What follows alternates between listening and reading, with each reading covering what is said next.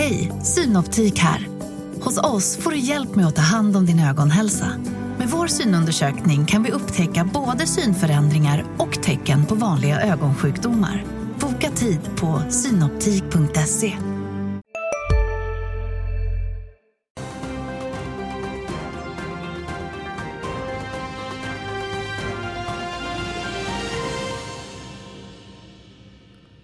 Tisdag och varmt välkomna. Blandade börser i Asien under natten och allmänt avvaktande inför dagens Fed-tal. Eh, morgondagens Fed-tal också ska jag tillägga. Det är i alla fall tisdag som sagt den 7 mars du tittar på Börsmorgon. I dagens program blir det teknisk analys om både börshumör och några bolag. Vi har fått ett par rapporter, Traton och Zalando och så har vi med oss Paradox vd Fredrik Wester allra sist i programmet. Men redan nu säger vi välkomna till Anders Bruselius på Tellus Fonder och Martin Hallström, Swedbank. Anders tidigare chef till Martin ska vi tillägga också. Så Anders får den första, första frågan. Meta säger upp tusentals personer igen. Andra beskedet på ganska kort tid va? Ja, det kommer sannolikt tas emot positivt av marknaden. Man tycker att de har spenderat för mycket pengar på felaktiga saker. Eh, så att det här är ett eh, tecken i tiden att man eh, ser över sina kostnader, skapar kassaflöde och bättre resultat. Vi har sett en bra åter recovery i aktien här. Den var ju väldigt pressad. Eh, så den kan sannolikt fortsätta upp. Den ser ju lågt värderad ut men det har fått många, funnits många frågetecken kring deras strategi. Så det här kommer att tas emot positivt. Från Meta till det övergripande, väldigt makrodrivna mm. börsläget. Arbetsmarknaden verkar ju inte ta intryck av alla de här tech-uppsägningarna. Vi, vi lever i en ovanligt makrodriven börs, vad ska man säga, börs, ett börshumör just nu som är... Så är det uppenbarligen att det är extremt drivet av, av makro. Det är ju en ständiga kampen mellan konjunkturoro eller, eller inflationsoro, vilket det är som har överhanden för, för, för stunden som, som eh, driver, eh, driver riskaptiten i marknaden känns det som. När jag tittar på CNBC för att lära mig något av de amerikanska storebröderna och systrarna så tycker jag de bara pratar om precis den drivkraften. Timme ut och timme in, fast väldigt initierat. Eh, vi ska försöka prata lite bolag i alla fall. Tyska nätmodejätten Zalando som förstås har många svenska ägare efter att ha delats ut från Kinnevik redovisar en svag tillväxt och försämrade marginaler under fjärde kvartalet. Så himla dåligt såg det inte ut, men eh, rapport tidigare i morse. Även om du har kolla på den? Ja, lite snabbt har gjort. Man kan väl säga att eh, den kom in i princip i linje med förväntan både på omsättningen och eh, resultatmässigt. Det viktigaste var ju guidance för eh, helåret och eh, där låg förväntningen på justerat EB rörelseresultat på ungefär 300 miljoner och de guidade om jag kommer ihåg rätt 280 till 350. Så att eh, mycket i linje, kanske marginellt lite högre men visibiliteten är otroligt mm. låg för dem när det gäller privatkonsumenten hur den ska bete sig. Däremot så kan man anta att det har haft en väldigt, väldigt stark eh, inledning på året. Vi hade ju lockdown för ett år sedan fram till vecka 10. Och vecka 10 är vi nu inne så att eh, de har, det ser man också i statistik från eh, tysk eh, konsumtion. Så att det har nog börjat bra men vi får se hur resten av året utvecklas. Men de har mätt en guidance i linje med förväntningsbilden. Vill du plocka upp den upptinande konsumenten på något sätt? Ja, nej men jag, jag, jag vill, har en viss oro för att, att det kan bli tuffare eh, framöver för konsumenten just på grund av att eh, kanske att jämförelsesiffrorna kan bli lite, lite tuffare.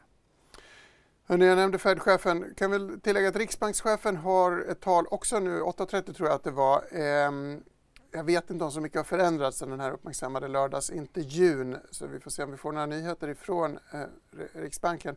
Däremot har Jerome Powell ett framträdande idag i senaten och imorgon i representanthuset där han frågas ut.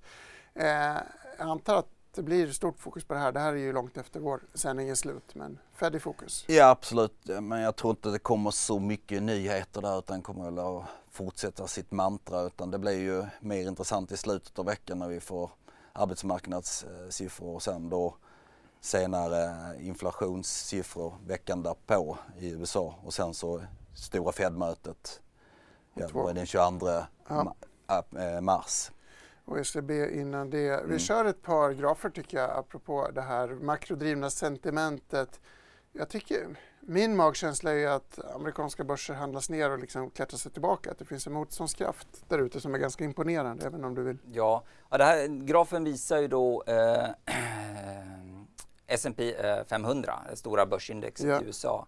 Här ser vi att, att uh, vi har haft en, en återhämtning uh, i USA som har varit uh, helt okej okay, men vi har ju fortfarande en fallande trendstruktur så att i USA så har vi ju ännu inte sett den styrkan som vi har sett i Europa och, och Sverige då som kanske, vi har ytterligare en graf som, som visar där vi gått väldigt starkt. Jag är väldigt överraskad faktiskt av den styrkan vi har sett. Är det raka strecket någon slags glidande medelvärde? Eller det är 200 dagars glidande. Ja. Eh, men här ser vi då att, att eh, vi inte bara har brutit igenom 200 dagars utan vi har också tagit över sommarens topp och, och nu etablerat en, en, en, tydligt stigande trendstruktur. Och priset är ju den, den, den bästa indikatorn på på sentimentet. Eh, det visar ju på om det finns köpare eller säljare mm. som är i kontroll. Så att, eh, eh, här ser vi ju att, att i, inte minst i Europa och, och, Sverige så har vi nu en, en stark eh, efterfrågestyrd börs och eh, jag tror väl att eh, mycket av det är väl självklart hänförligt till det varma vädret som gjorde att vi slapp en, en industriell nedstängning i Europa och, och, och, kanske att man börjar positionera sig för en återöppning i Kina. Men, men som sagt, jag är ändå överraskad av, av styrkan vi har sett här. Två viktiga argument, vi kanske ska återkomma till ett tredje. Vill du flika in något här? Jag tycker Kinas återöppning är jättespännande. Det borde ju vara bra för svensk och tysk export kan man ju hoppas. Ja och, och de siffrorna vi har sett därifrån PMI eh, förra veckan var ju otroligt starkt, 52-53.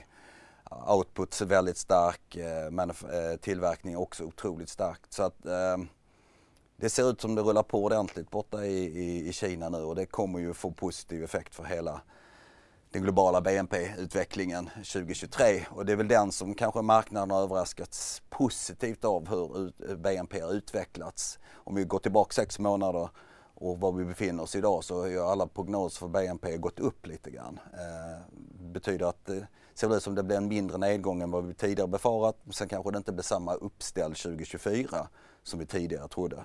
Å andra sidan, apropå den här dragkampen, å andra sidan kommer ju Riksbanksprognoserna upp också tycker jag, bilden av vart räntorna ska sluta justeras upp hela tiden. Exakt och det är ju ett tecken som Martin var inne på, det är inflation, dragkampen mm. här emellan. Vi ser ju tecken i USA att det har toppat. Vi hoppas att vi ser tecken på det snart i Europa. Eh, så vi får se hur långt de vågar gå. Jag ska gå till en annan bransch men eh, stanna inom konsumentförtroendet. Jag vill notera att aptiten på resor verkar vara fortsatt stark. Dels kom det data från Swedavia som, och sen skriver TT också om att researrangörerna ser prepandemiska nivåer på sommarsemesterbokningar. Det här efter ju ett starkt men kostsamt sportlov. Alla som brukar vara, komma till vår studio har åkt skidor i Cervinia eller dyrare är min eh, Eh, servettkalkyl.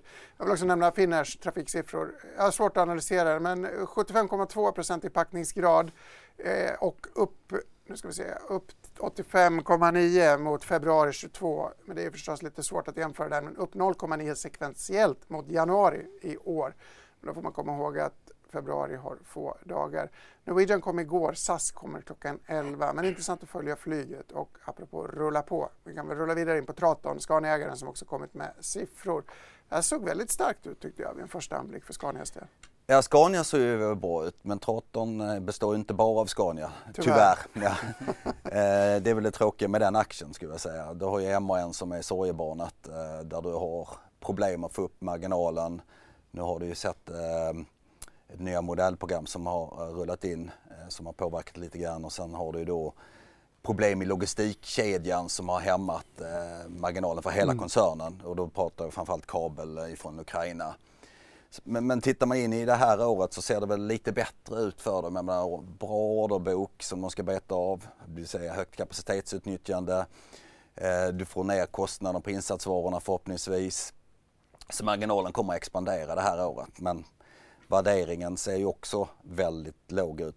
Samtidigt ska man komma ihåg om man tittar på skuldsättning så ser den lite halvjobbigt ut för dem jämfört med Volvo till exempel. Apropå värdering, kom, kom ihåg att Traton klättrade 6% igår inför den här rapporten. Vad det gäller Scania så ökade omsättningen 37% och resultatet hela 55% till 5,7 miljarder kronor.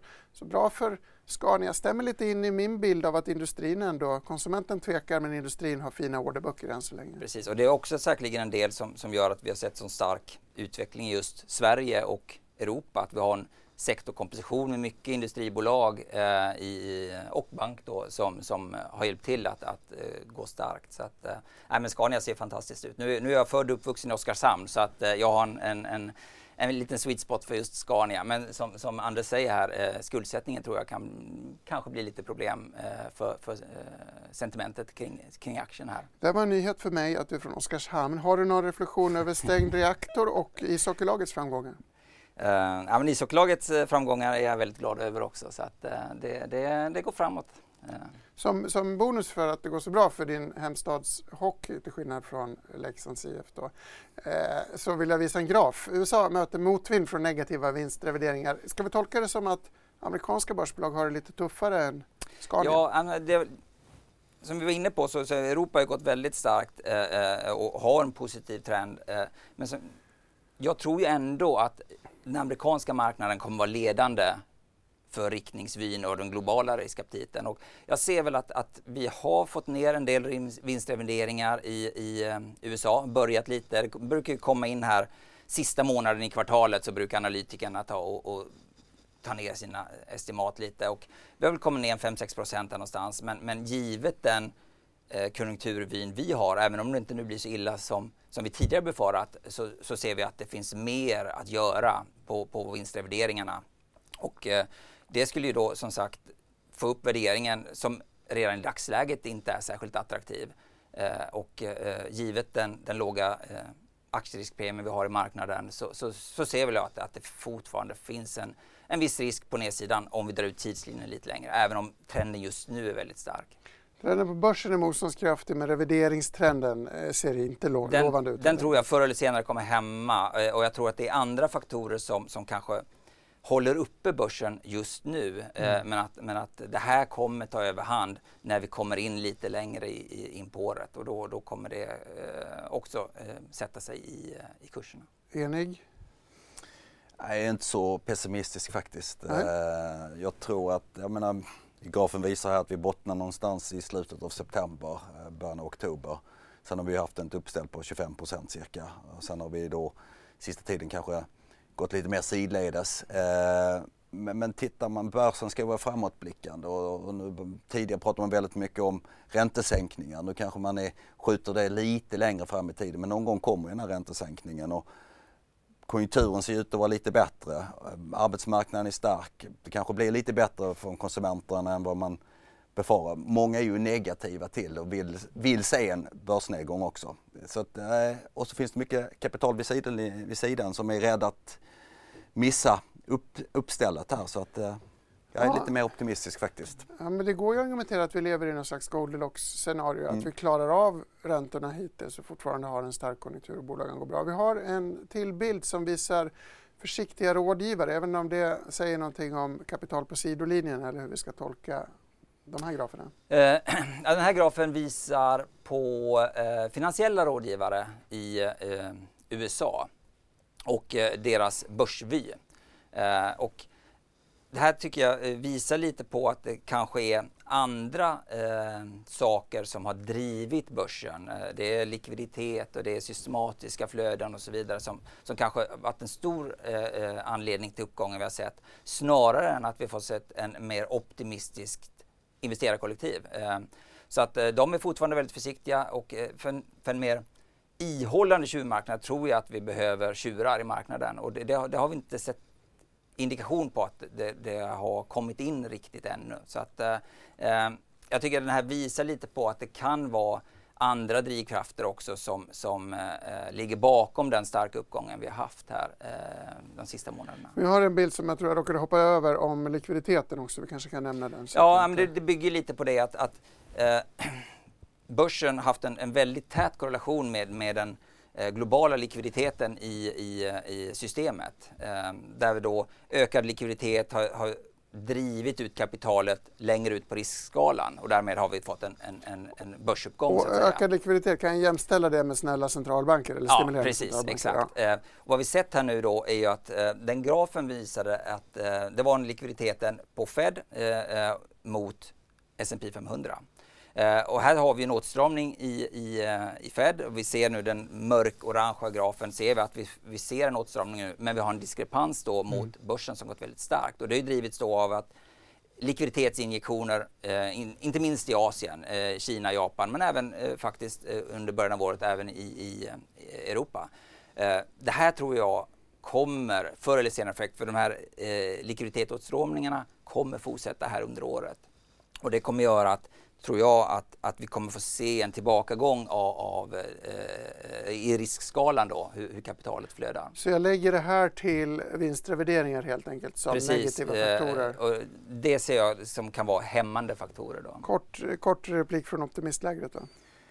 Eh, ja men det är ju jag tror att en viktig faktor är ju att likviditeten, alltså det finns mycket pengar på sidolinjen. Var den ska gå någonstans, om det är in i räntemarknaden eller om det ska in i i, i aktiemarknaden. Det, får vi, det återstår att se. Men jag tror att titta, ja, värderingen ser rimlig ut tycker jag eh, på, på de flesta marknaderna. Eh, Sverige lite högre, Europa lite lägre, USA lite högre.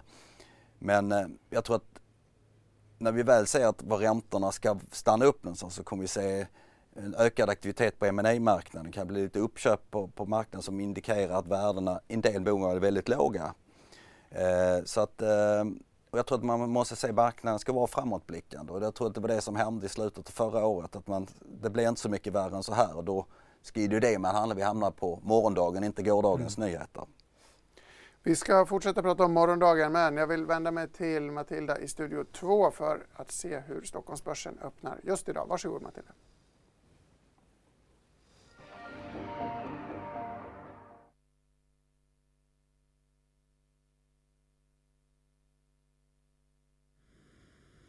Stockholmsbörsen den öppnar svagt ner och där ser vi också att storbolagslistan är ju svagt ner även där. Och som ni har nämnt så har ju Scaniaägaren Traton kommit med rapport nu under morgonen och stiger 5% då Scanias omsättning och resultat ökade kraftigt. Och spelbolaget Paradox de är upp 2% då man meddelade igår kväll om en lansering av en uppföljare till sitt mest populära spel Cities Skyline 2. Spelet släpps under 2023 till PC, Xbox och Playstation. Och kontraktillverkaren Note de är upp runt 6% ser vi just nu. De har meddelat att samarbetet med en specifik industrikund har utvecklats och att försäljningen till kunden kommer att öka markant under året från 50 till 200 miljoner kronor. Och kurskraschade sin styrelse. De fortsätter att köpa aktier. Senast igår så köpte en ledamot aktier för 1 miljon kronor till kursen 19 kronor per aktie. Och sen årsskiftet så har ju aktien tappat halva sitt värde men vi ser ändå att de är upp nu 1,5 procent. Och som du nämnde tidigare Gabriel så verkar ju resaptiten onekligen fortsatt starkt och Norwegian kom med starka siffror igår. Finnair med starka siffror nu under morgonen och där ser jag att Finnair är ändå ner en halv procent men SAS kommer ju också med siffror under förmiddagen och där eh, de handlas just nu runt nollan. Och vi ska också nämna att idag är sista dagen för Bonnier News bud på Readly där budet höjdes i januari från 12 till 14 kronor och 40 öre per aktie och där eh, den kan handlas nu för 13 kronor. Och bland dagens rekar så får SEB sänkt rekommendation från och riktkurs av Deutsche Bank till sälj från behåll med riktkursen 126 kronor från 142 och är nu svagt ner. Även Pareto Pareto sänker sin rekommendation från East 9 till behåll från köp efter att bolaget under helgen meddelat att avtalet om att sälja MFG-innehavet sagts upp. Och riktkursen sänks till 105 till 165 och även de är ner en halv procent. Och vi ser ju även att Stockholmsbörsen fortsätter alltså att vara svagt ner.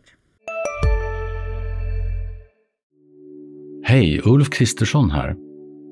På många sätt är det en mörk tid vi lever i. Men nu tar vi ett stort steg för att göra Sverige till en tryggare och säkrare plats.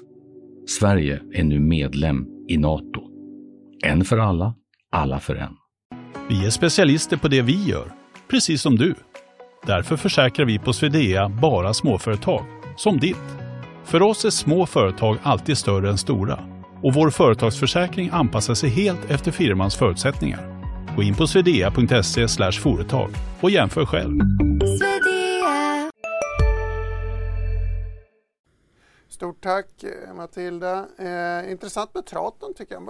Jag sa ju precis att den hade gått upp så mycket igår så att mm. eh, det här får inte ändå upp 5% nästan. Nej, vi var nog lite förvånade, eller jag i alla fall, att den fortsatte. Så det är inte bara igår utan det är ett antal dagar på rad som den har, har gått starkt. Eh, men som sagt var, eh, värderingen är låg. Det här kanske skapar lite förtroende kring eh, utvecklingen framöver. Eh, resultatet var, när jag försökte se vad marknaden låg ungefär på 2 miljarder, det blev 2,1 så det var lite bättre där. Framförallt drivet av Scania, eh, skulle jag tro. Eh. Vill du flika in något? Nej, jag kan inte annat än hålla med att jag är lite överraskad av, av styrkan i, idag med tanke på den, den rörelse vi sett innan. Och då blir TA-analytikern tänd eller eh, distanserad när man ser Nej, men alltså, Ur ett tekniskt perspektiv så ser, ser Traton faktiskt väldigt intressant ut. Det ser ut som att man har färdigställt en, en, en, en, en bottenformation i form av någon slags omvänd huvudskulder om vi använder tekniska termer. Så att den ser väldigt intressant ut ur ett tekniskt perspektiv. Jättebra, det var ett jättebra svar. Eh, vi pratade investmentbolag här igår, hoppas jag att tittarna minns. Eh, ni kör ju faktiskt en investmentbolagportfölj också. Stämmer. Bland Protellus fonder. Och, och, där har vi ju köpt in eh, i sektorn via XO eh, som är noterat på holländska börsen. Som då är väldigt exponerad mot fordonsindustrin. Mer än 60% av portföljen är fordonsrelaterat. Där största innehavet idag Ferrari, lyxvarumärket. Som du ser ju att de typen av bilar, Porsche, Aston Martin. Mm. Ferrari går ju som tåget. Uh, det finns tydligen pengar i systemet någonstans i alla fall. Sen har de stora i Stellantis som är Fiat, uh, Chrysler, Alfa Romeo och sen har de CNH som är då konkurrent till Volvo Construction Equipment och sen har de Iveco också. Så här tycker jag att man kan få en intressant portfölj och är man intresserad av fotboll så äger de Juventus också. Eh, inte mitt favoritlag där nere men eh, och det här, det här aktien handlar då till en rabatt på 35-40 så att eh, det var vi inne på igår, att mm. utländska investmentbolag verkar ha enorma rabatter. Jag vet inte om det är ett symptom som är generellt eller om det är bara en slump att vi tittar på några. Jo, sådana. samtidigt ska man komma ihåg att det finns inte så många investmentbolag eh, förutom Sverige. Det är ju Nej, ett, ett krygerfenomen så att säga. Eh, så att eh, det gör också att företeelsen är lite udda. Man skulle säga att alltså XO är mer ett holdingbolag än ett investmentbolag egentligen. Kan man, kan man säga familjen Agnellis Wallenberg, eh, Investor? Ja, det kan ja. man nog dra likhetstecken med. Men och Stellantis i sig är ju väldigt lågt värderat så att det är ju, man får mycket värde. Om man är värdeinvesterare så ska man definitivt titta på det caset. Ja, spännande med Ferrari också. Jag brukar tjata här om att Ferrari och Lidl är liksom vinnarna i den här konjunkturen medan mittensegmentet går. Ingen mellanmjölk här. Ingen mellanmjölk. Den är så dyr. Vi skriver ju faktiskt om det i dagens tidning. Dyrt så in i Norden. Jag tror inte just mellanmjölken beskrivs men matkassen överlag kostar väldigt mycket. Men du har inga grafer på matpriserna inga, idag? Inga grafer på matpriser idag. Däremot har vi en, eh, inte konsumentgraf, men vi har en privat investerargraf kvar i, i det första sjoket som jag tror att vi inte har tittat på. Uh, nej precis, men det visar bara exakt samma sak som, som den tidigare grafen och det här är då privata uh, investerare och deras börsvy. Så ja. den visar bara samma sak som, som de finansiella rådgivarna. Så att det är inget, inget egentligen nytt med. Då går vi vidare till nästa bild istället som handlar om ett konkret bolag. Securitas pratar vi ganska ofta om här i studion. En favorit som haft det motigt mm. på börsen. Vad ser vi här? Eh, det, är, det, är, ett favoritbolag för mig just nu. Alltså jag är ju lite försiktigare som, som eh, bekant är och jag, jag, letar ju nu gärna efter bolag som, som är marknadsledare i, i sin bransch. Eh, jag vill se att de har en stabilitet i sin intjäning för de kommande åren och, och gärna se en, en, en stigande marginaltrend. Eh, och sen självklart som chartist så vill jag ju se en, en konstruktiv prisutveckling. Och jag tycker vi får in allting det här i, i Securitas som, eh, som är ledande eh, självklart på, på eh, sina områden och, och, och, som vi ser det har en väldigt stabil utveckling även i svagare ekonomisk utveckling. Och, eh, marginalen eh, tror vi kommer eh, utvecklas väldigt väl här i, i de kommande åren. Vi har Stanley-förvärvet, synergier mm. där. Vi ser att de omförhandlar kontrakt på, på bemannade bevakningen och, och eh, utöver detta så i en lågkonjunktur så ser vi att, att eh, både löneinflation och eh, eh, eh personalomsättning kommer minska och det är en väldigt stor del av kostnaden för, för eh, den bemannade bevakningsdelen i Securitas. Så att det kommer faktiskt kunna öka marginalerna. Så att här, här har vi liksom en, en ökande marginal som jag tror Menar kommer att det är knapp kontracykliskt till och med så? Att... Ja, det såg vi det här 2008, 2009, 2010 så, så steg både eh, vinst och, och, marginaler i Securitas. Så det tror vi kommer ske igen om vi nu får en, en lågkonjunktur här. Kollar du någonsin på Securitas? Ja, lite grann. Eh, intressant att notera att eh, de köper tillbaks Niskaya Ja. Eh, vad är det, 20 år senare? Ni skojar kallade vi den. Ja.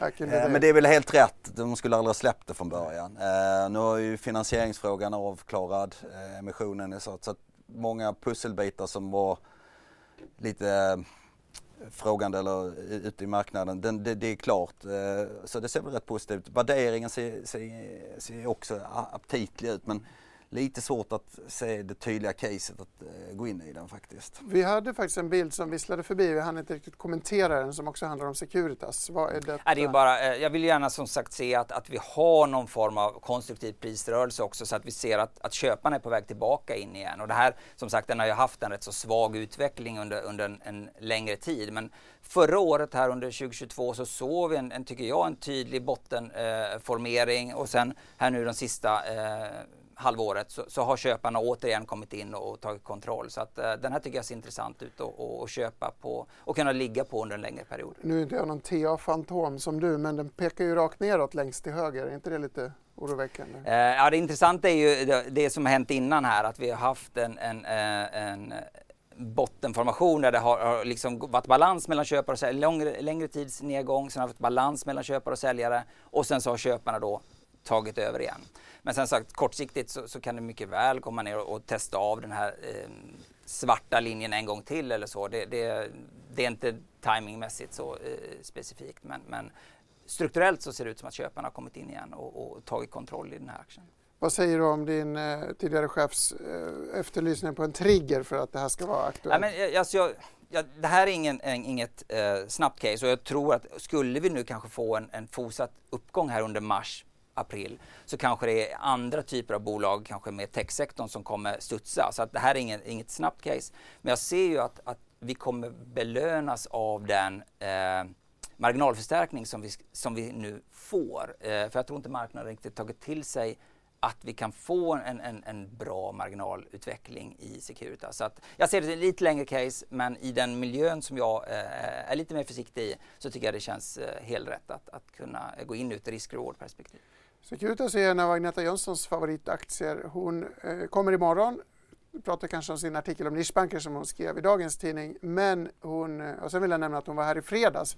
Då nämnde hon höga paprikapriser som en parentes. Framförallt så pratade hon länge och väl om svenska banker gentemot amerikanska lite grann ur ett värderingsperspektiv.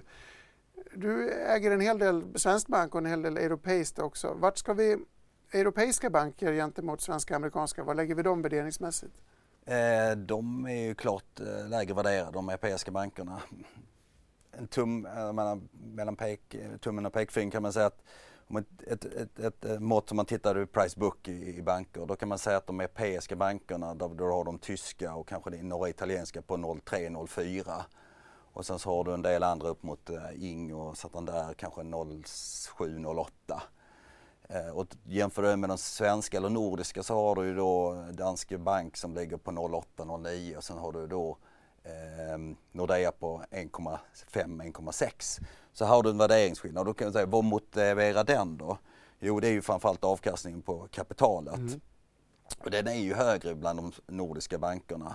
De är mer välskötta, eh, effektivare och sen får ju eh, centralbankernas höjning snabbare genomslag på de svenska bankerna eftersom vi har så mycket eh, rörliga lån i Sverige. Stocken vänds ungefär på två år.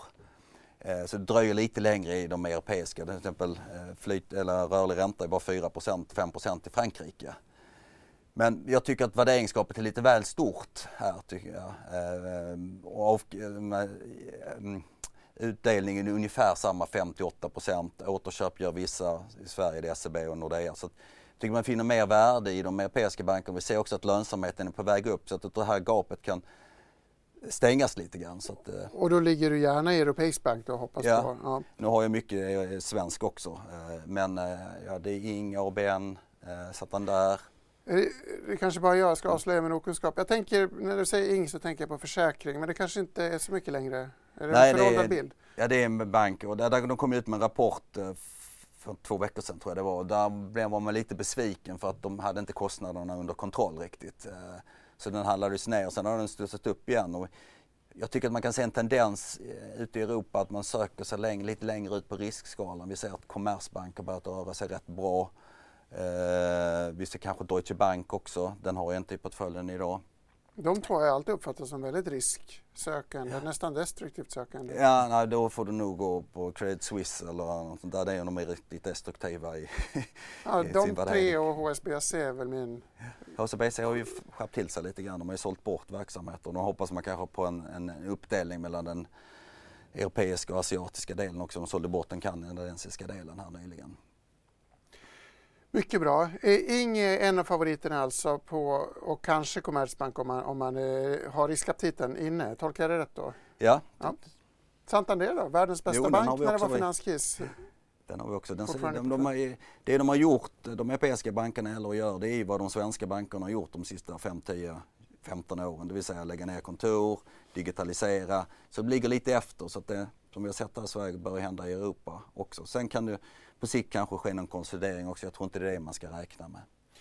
Jag vill ta dig på bankpulsen också om du har något att säga. Men jag vill nämna, jag nämnde Erik Thedéens tal som sker hos den västsvenska handelskammaren som jag antar ligger i Göteborg.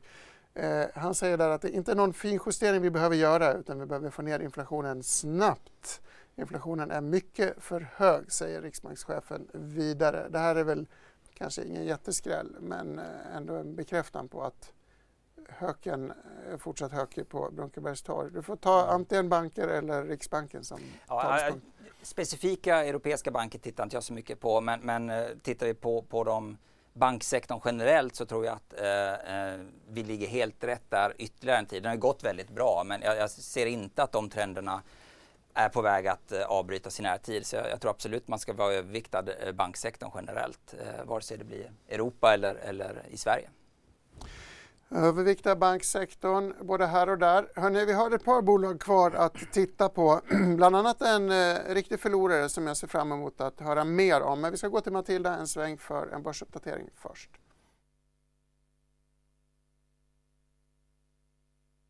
Ja, men Stockholmsbörsen ser vi att det är fortsatt svagt ner och bland storbolagen så är just nu Kinnevik i topp och Autoliv i botten.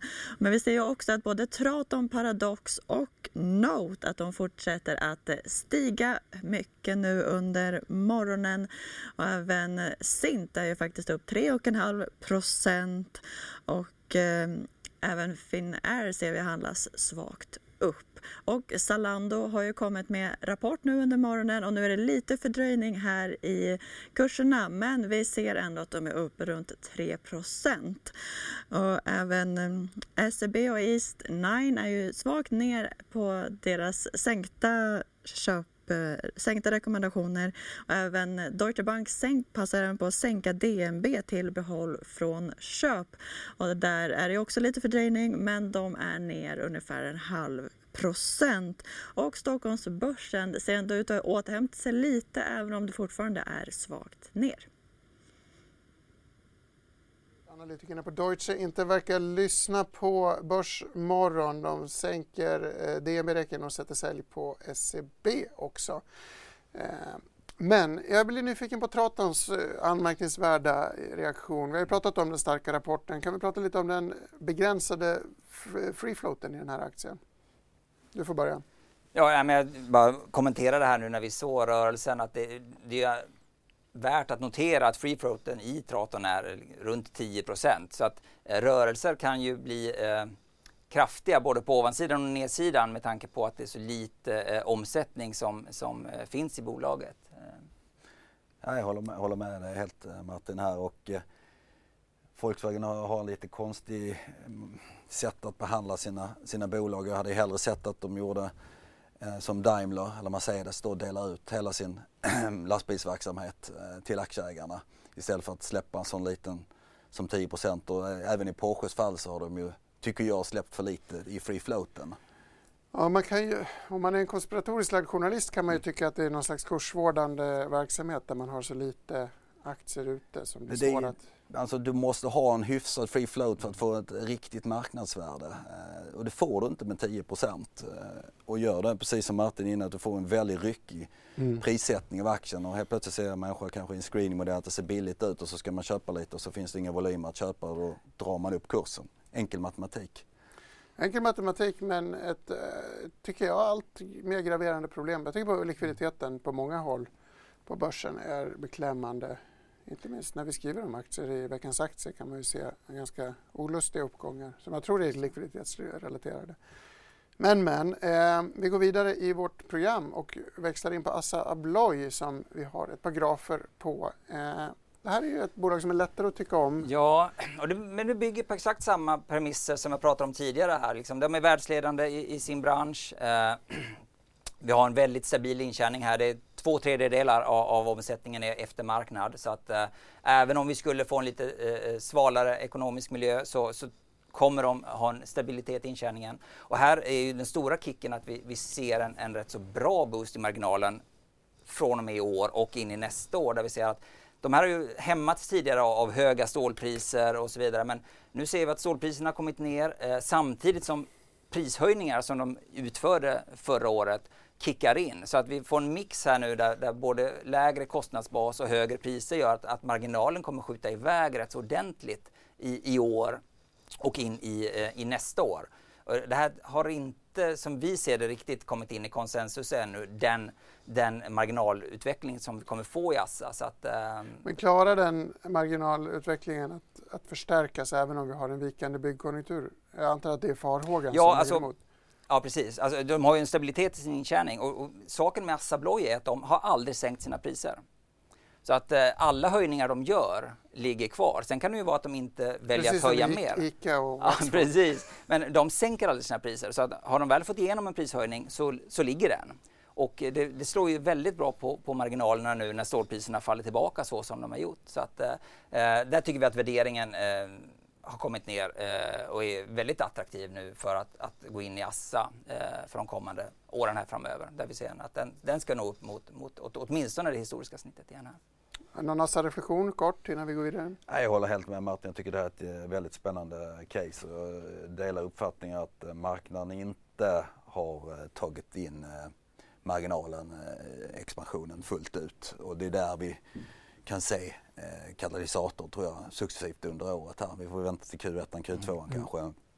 Och sen är det ju ett högkvalitet bolag på den här värderingen och är det P 20 men det är inte högt eh, tycker jag. Så att, eh, och sen precis som Martin, eftermarknadsdelen är en stor del av businessen och den, ja, du behöver byta lås eh, oavsett om det är lågkonjunktur eller inte. Det är som diskmaskiner måste du också byta när, när den går sönder. Ja, man kan ju fundera på om otrygghet skapar någon slags kontracyklisk effekt. Men det får vi prata mer om eh, en annan gång apropå trygghetssökande och låsbytarhumör. Men vi måste gå vidare eftersom vi har Fredrik Wester med oss, eh, förstås Paradox VD och starke man.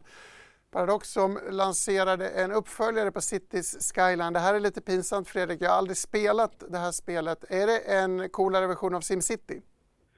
Ja, det är väl upp till var och en att bedöma, men eh, jag tror vi sa igår att vi har haft eh, totalt 25 miljoner kopior ute på marknaden. Så att det är några i alla fall som har spelat, även om du har missat specifikt.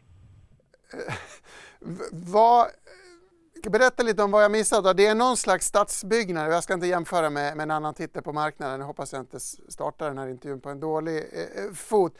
Hur viktigt är det med en uppföljare? Kan du berätta lite om processen bakom?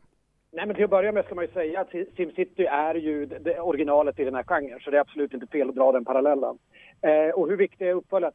Ja, jag skulle säga att City Skylines är ju det största spelet i vår portfölj och uppföljaren är ju därför också väldigt viktig om vi ska, eh, alltså för att, att nå de resultat vi vill. Så att, eh, det kommer ju ha förhoppningsvis en väldigt stor inverkan på både 2023, 2024 och 2025 om vi ser på hur City Skylines eh, livslängd har varit. Jag menar, Förra året tillkom det 5,5 miljoner spelare och då var spelet sju år gammalt. Det fyller åtta år nu på fredag, gör det spelet. Så att, det har ju några år på nacken. Så att eh, åtta, tio år till borde det här spelet kunna påverka vårt resultat i alla fall.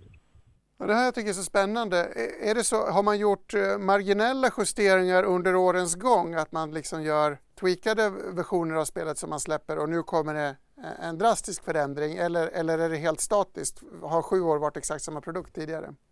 Ja, vi har ju under tiden gjort uppdateringar, både gratisuppdateringar som alla spelare har kunnat ta del av oavsett om du har betalt mer eller inte. Och sen har vi gjort eh, nedladdningsbart innehåll, downloadable content som förkortas DLC då, på engelska. Och eh, där har vi ett antal DLC, det är ju några hundra dollar för att få allting under de här sju åren som jag tillverkat. Så det är ju så, det är så vår affärsmodell har sett ut både på det här spelet och flera av våra andra spel då, som har varit, som varit väldigt framgångsrika också. Så att, eh, ja. När kan jag uh, köpa det här spelet? Förlåt, var du kan köpa det?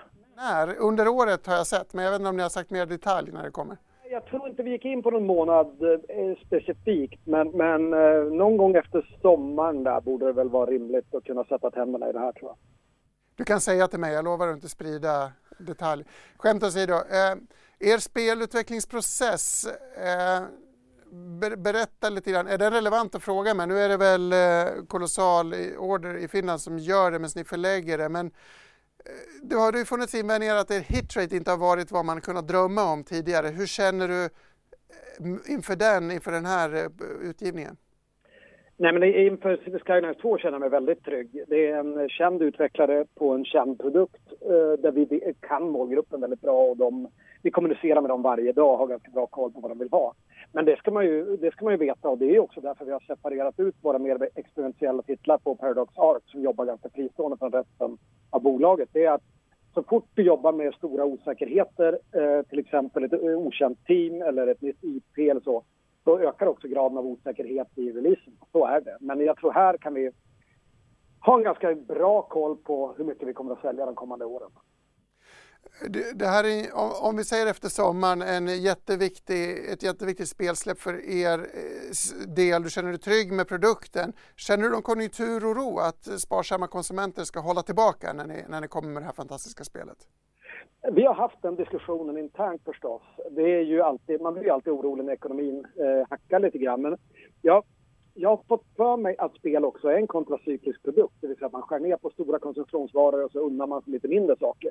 Jag vet ju att choklad till exempel är en sån produkt och det skulle inte förvåna om spel också är det. Nu har ju spelbranschen faktiskt gått ner två år i rad i försäljning efter covid-boosten 2020 så att eh, vi hoppas på att bidra till att det kan bli en, eh, en ökning här eh, under 2023. Så att, eh, det ser vi det ser vi fram emot. Det ska bli kul att testa detta spel. Stort tack Fredrik Wester för att du var med oss här i Börsmorgon.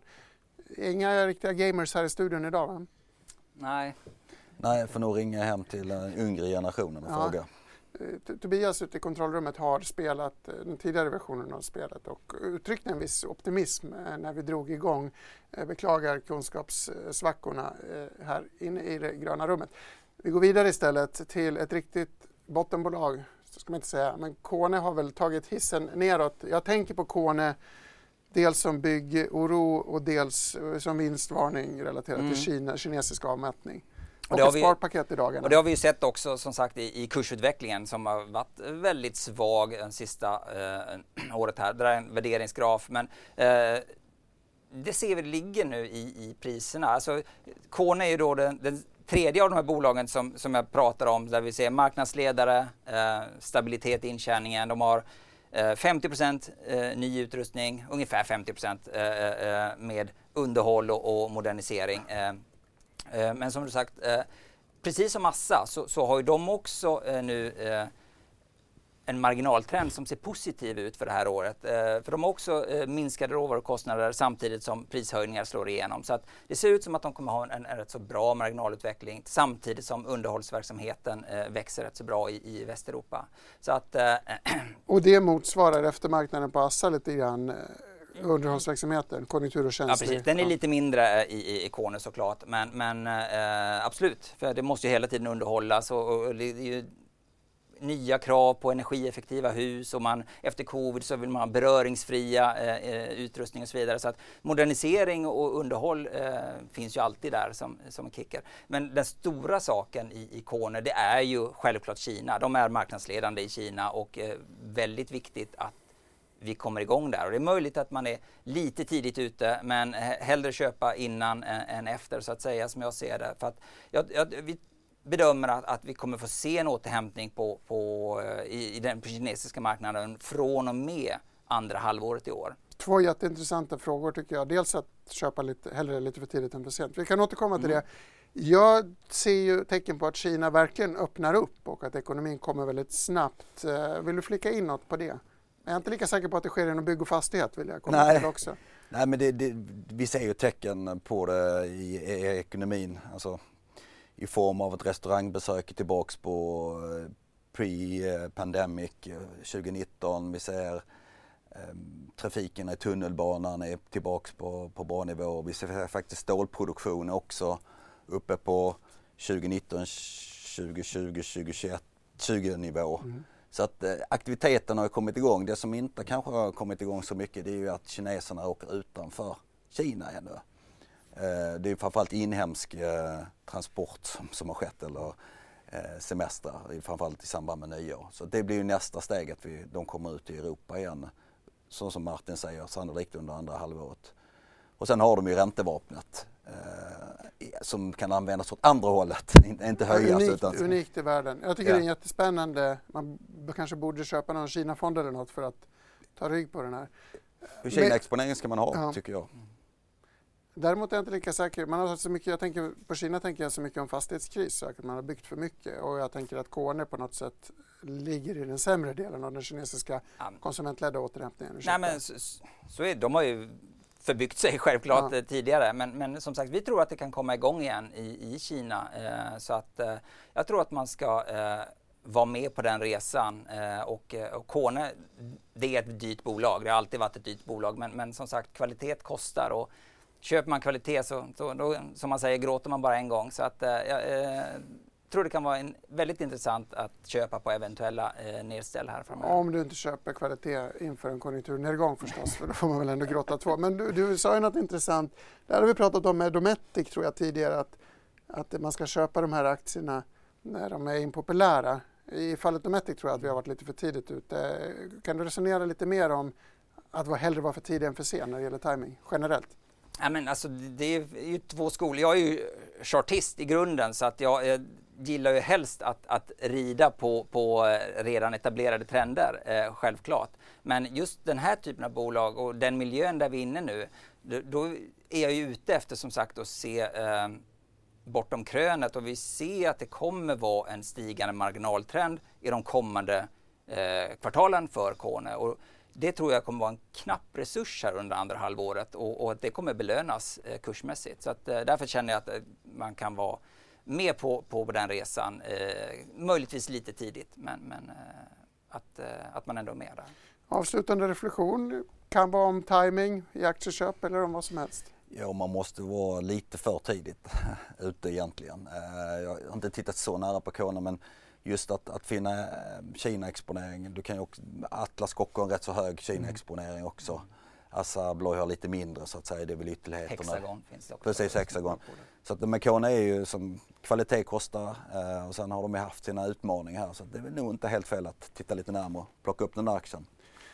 Kvalitet kostar förutom på di.tv där kvalitet är gratis om man står ut med reklamen. Idag presenterat av Martin Hallström, teknisk analytiker på Swedbank, Anders Brezelius, förstås före detta Swedbank, numera förvaltare på Tellus fonder och jag, Gabriel Mellqvist. Klockan 14 är det TV tillbaka i Börskoll när du vill på sajten och imorgon den här tiden samma kanal. Ha det gott, lycka till!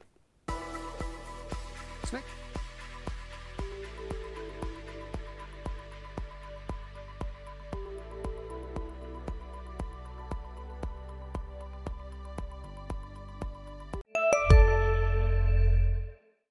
Hej, Susanne Axel här. När du gör som jag och listar dig på en av Krys vårdcentraler får du en fast läkarkontakt som kan din sjukdomshistoria.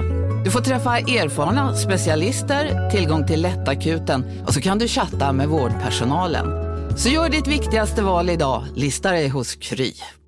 Ni är med om det största och det största är den minsta. Ni minns de första ögonblicken och den där blicken gör er starkare. Så starka att ni är ömtåliga. Men hittar trygghet i Sveriges populäraste barnförsäkring. Trygg Hansa.